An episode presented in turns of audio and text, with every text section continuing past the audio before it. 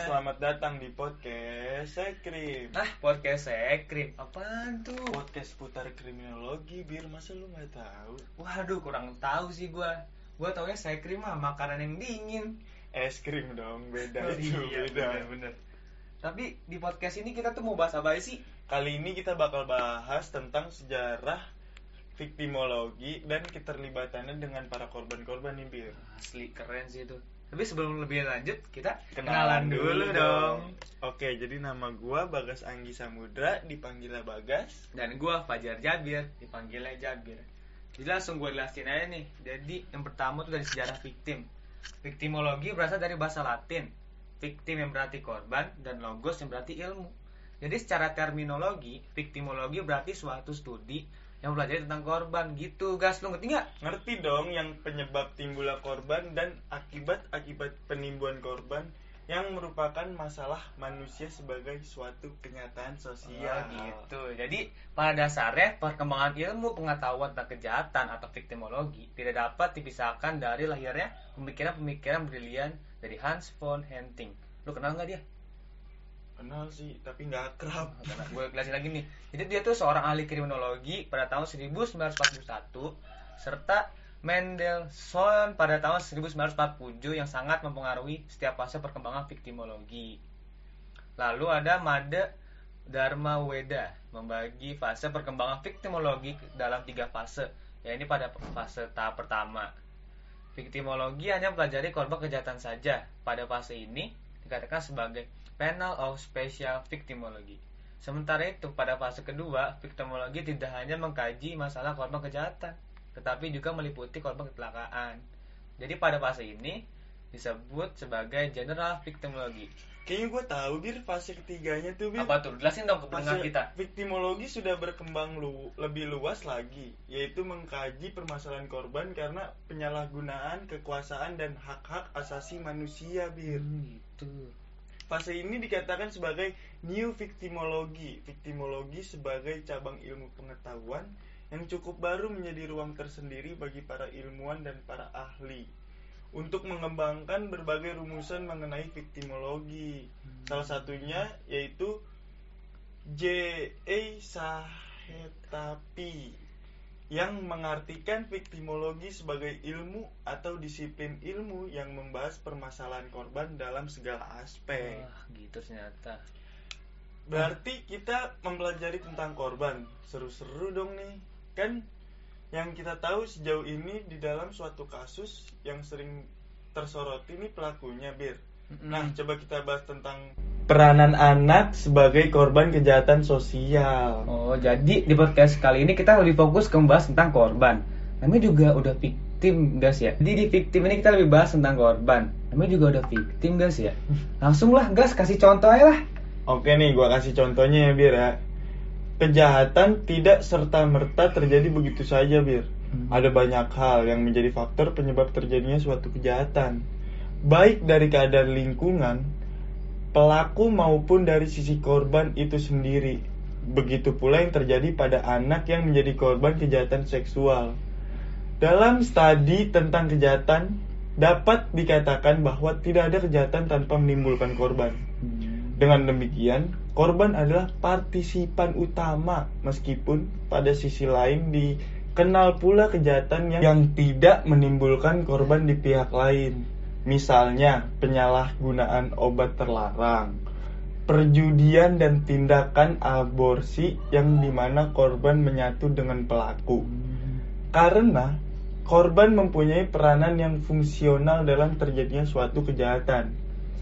Memahami sejauh mana peranan korban dalam terjadinya kejahatan dapat diidentifikasikan melalui beberapa jenis korban yang dikemukakan oleh Azard Abdeh Fattah. Wah, keren namanya. Untuk kejahatan seksual terhadap anak, maka peranan anak sebagai korban termasuk dalam kategori latent victims, yaitu anak-anak, orang tua, orang yang cacat fisik maupun mental, orang miskin, golongan minoritas dan sebagainya yang mudah menjadi korban karena kelemahan fisik serta sifat dan karakter tertentu yang dimiliki sehingga cenderung menjadi korban bir. Oh gitu.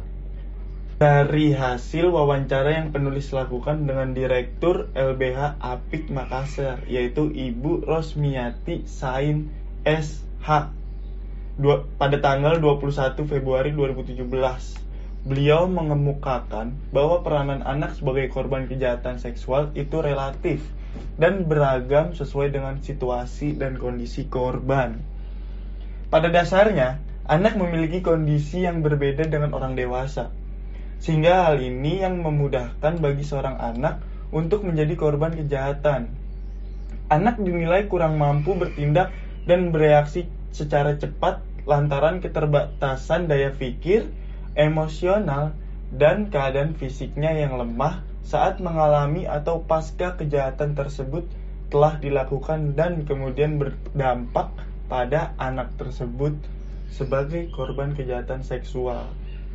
Sebab ada anak atau korban yang berperan sebagai yaitu anak yang dengan segala tingkah lakunya secara aktif mendorong dirinya menjadi korban dan menimbulkan rangsangan terhadap pelaku untuk melakukan kejahatan dan ada pula yang berperan sebagai pasif yaitu anak yang tidak berbuat apa-apa akan tetapi dengan sikap yang ditunjukkannya justru mendorong dirinya menjadi korban kejahatan bir Jadi serba salah ya, mau hyperaktif, mau Mm-mm. diem aja tapi tetep aja gitu kena Jadi sama orang-orang.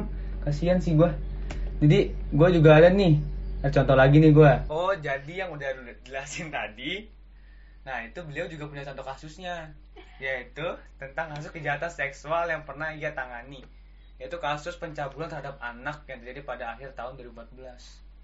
Yang di mana korban berinisial EN masih berusia 16 tahun, wah masih bocil nih. Dan pelaku adalah pacar korban yang berusia 24 tahun. Waduh, Kasus ini terjadi ketika pelaku yaitu pacar korban membujuk korban untuk melakukan hubungan intim layaknya sepasang suami istri dengan pelaku. Pada awalnya, korban menolak dan merasa takut. Namun karena pelaku merayu serta berjanji akan bertanggung jawab dengan berkata, Kau tunjukkan bukti cintamu kepada saya. Asik, kayak di film-film nih. Maka korban membiarkan dilakukan perbuatan cabul terhadap, dirinya yang kemudian perbuatan tersebut dilakukan berkali-kali sampai pada akhirnya korban hamil dan diketahui oleh sedang orang tuanya lalu pelaku dilaporkan oleh orang tua korban atas perbuatannya sedangkan dalam kasus lain terjadi pada seorang anak berusia 7 tahun yang mendapatkan perlakuan tidak senonoh dan keji oleh seorang office boy sekolah SD atau sekolah dasar kalau nggak tahu. Berumur 45 tahun. Wow. Di mana pada kejadian ini sekitar pukul 3 waktu Indonesia bagian tengah korban berada di lingkungan sekolah SD tersebut untuk bermain-main bersama temannya saat keadaan sekolah sepi karena jam sekolah telah berakhir. Lalu kemudian temannya pulang karena dijemput oleh orang tuanya sehingga korban tinggal sendirian bermain. Pada saat itu juga pelaku yang sedang berada dalam kantor sekolah melihat korban sendirian. Waktu gini nih, wah ada cewek tuh, wah cewek-cewek tuh gitu loh. Kemudian pelaku menarik korban masuk dalam ruangan kantor dan kemudian melakukan perbuatan bejatnya dengan mencabuli korban dan setelah itu dibeli korban beli korban diberi uang 5000 ya Allah Astagfirullah. 5.000. set mah murah banget. Aduh.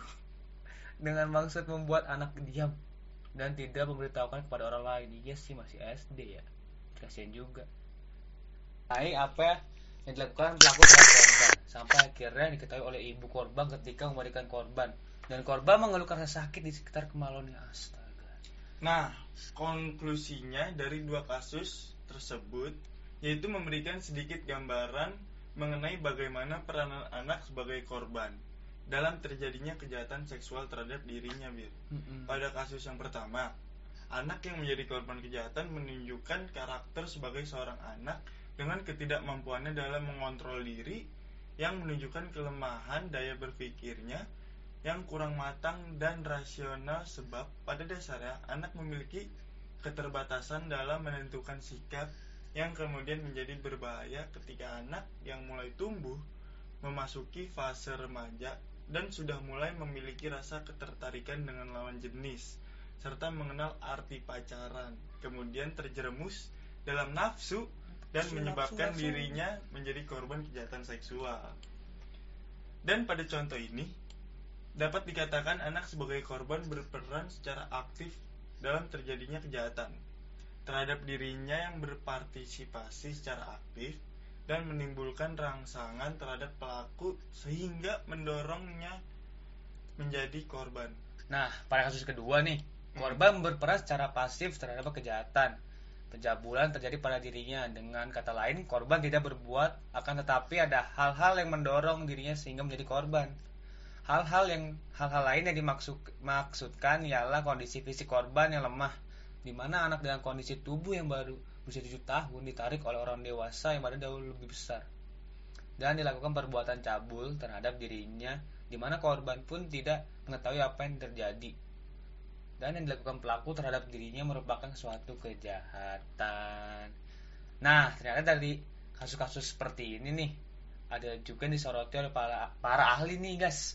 Kalau menurut para ahli victim itu, menurut Muladi, korban victim adalah orang-orang yang baik secara individual maupun kolektif setelah menderita kerugian, termasuk kerugian fisik atau mental, emosional, ekonomi, atau gangguan substansial terhadap hak-haknya yang fundamental melalui perbuatan atau kondisi yang melanggar hukum di masing-masing negara, termasuk penyalahgunaan kekuasaan seperti para pejabat.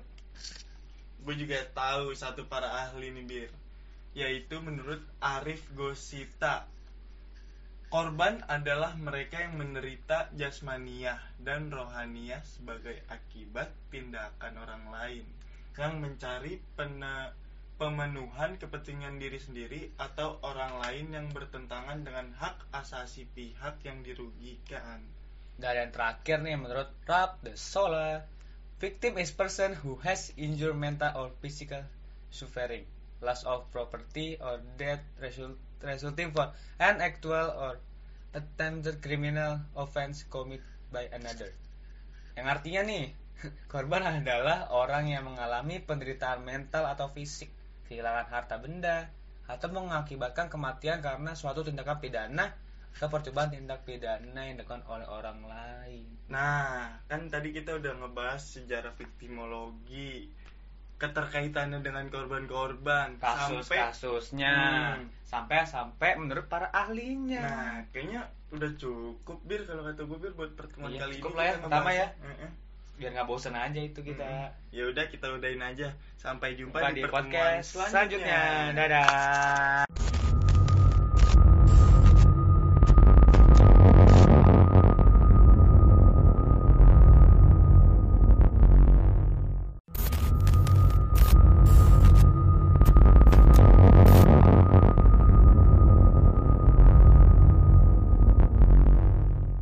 Halo semuanya balik lagi di podcast Sekrim bersama gue Bagas. Dan gue Jabir Ada yang beda nih bir, ada yang nih bir. Kayak kita kedatangan tamu ya Iya, sebenarnya teman kita juga Bener dia. sih. Biar dia kenalin diri sendiri Langsung lah, aja. silakan Halo pendengar-pendengar Sekre. Halo.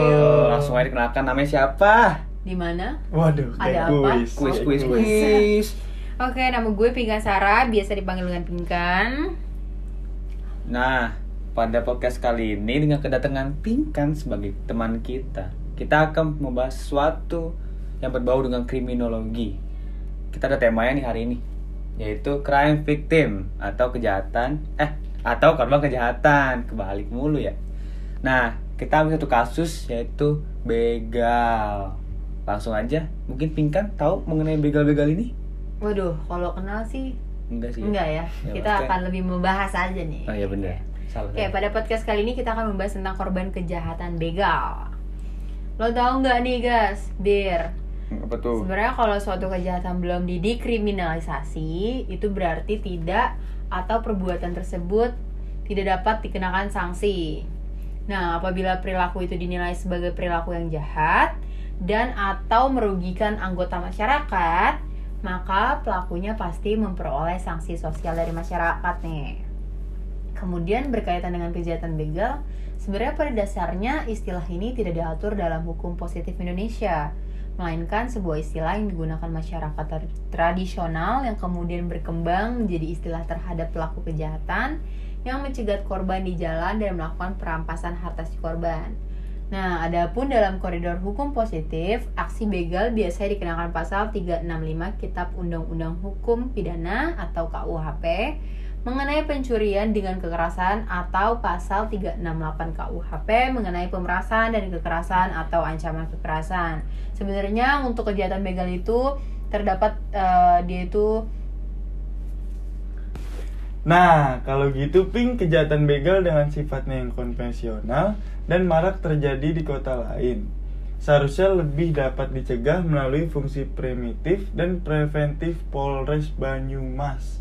Hal ini menjadi sesuatu yang wajar ketika dalam penanggulangan kejahatan tidak menyentuh pada akar penyebab terjadinya kejahatan begal. Proses kriminal law enforcement proses saling berkaitan dengan kriminologi karena kriminologi dapat memberikan masukan pada hukum pidana terutama mengapa orang melakukan kejahatan. Bener banget tuh setelah apa yang dibahas oleh Bagas dan Pinkan. Jadi kita tahu nih ada beberapa faktor juga yang mempengaruhi terjadinya kejahatan begal. Apa aja tuh? wah, tahu tuh gue. Nah, Coba. makin asik tuh kita ngebahasnya. Kalau gitu kita bahas dulu aja kali ya. Terdapat lima faktor yang mempengaruhi pelaku melakukan kejahatan begal. Lima. Yang pertama, Jabir. Faktor ekonomi. WA Bongers sebagai kriminolog menyokong pandangan bahwa faktor ekonomi mempunyai pengaruh yang besar dalam timbulnya kejahatan. Kedua, Pingkan. Oke, yang kedua, lingkungan sosial pelaku. M. Tortier dalam studinya menyimpulkan bahwa dalam kejahatan dilakukan oleh kelompok kecil 2-4 orang merupakan pencerminan dari kepribadian dari masing-masing individu. Meskipun dalam keputusan bersamanya dapat berbeda apabila itu hanya dihadapi seorang diri. Ketiga, tempat kejadian perkara atau TKP.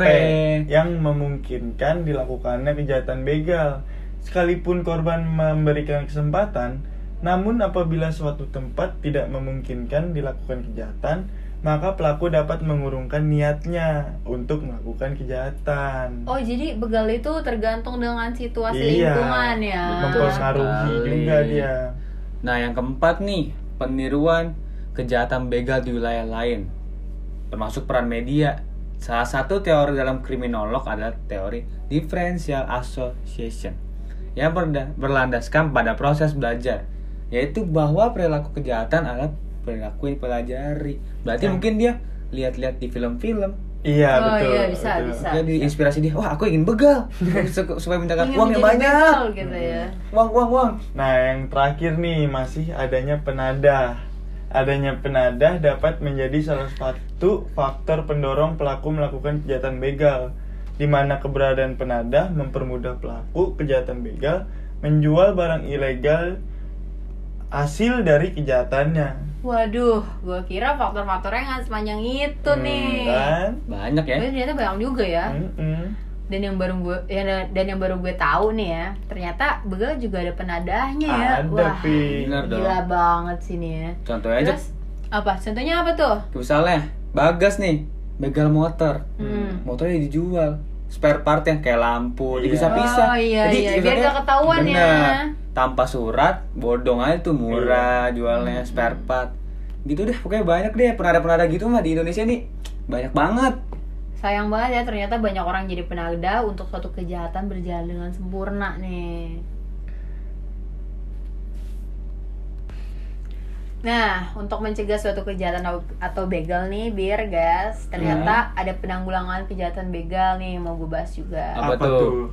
Jadi, kebijakan kriminal atau penanggulangan kejahatan pada hakikatnya merupakan bagian integral dari upaya social defense dan upaya mencapai social welfare.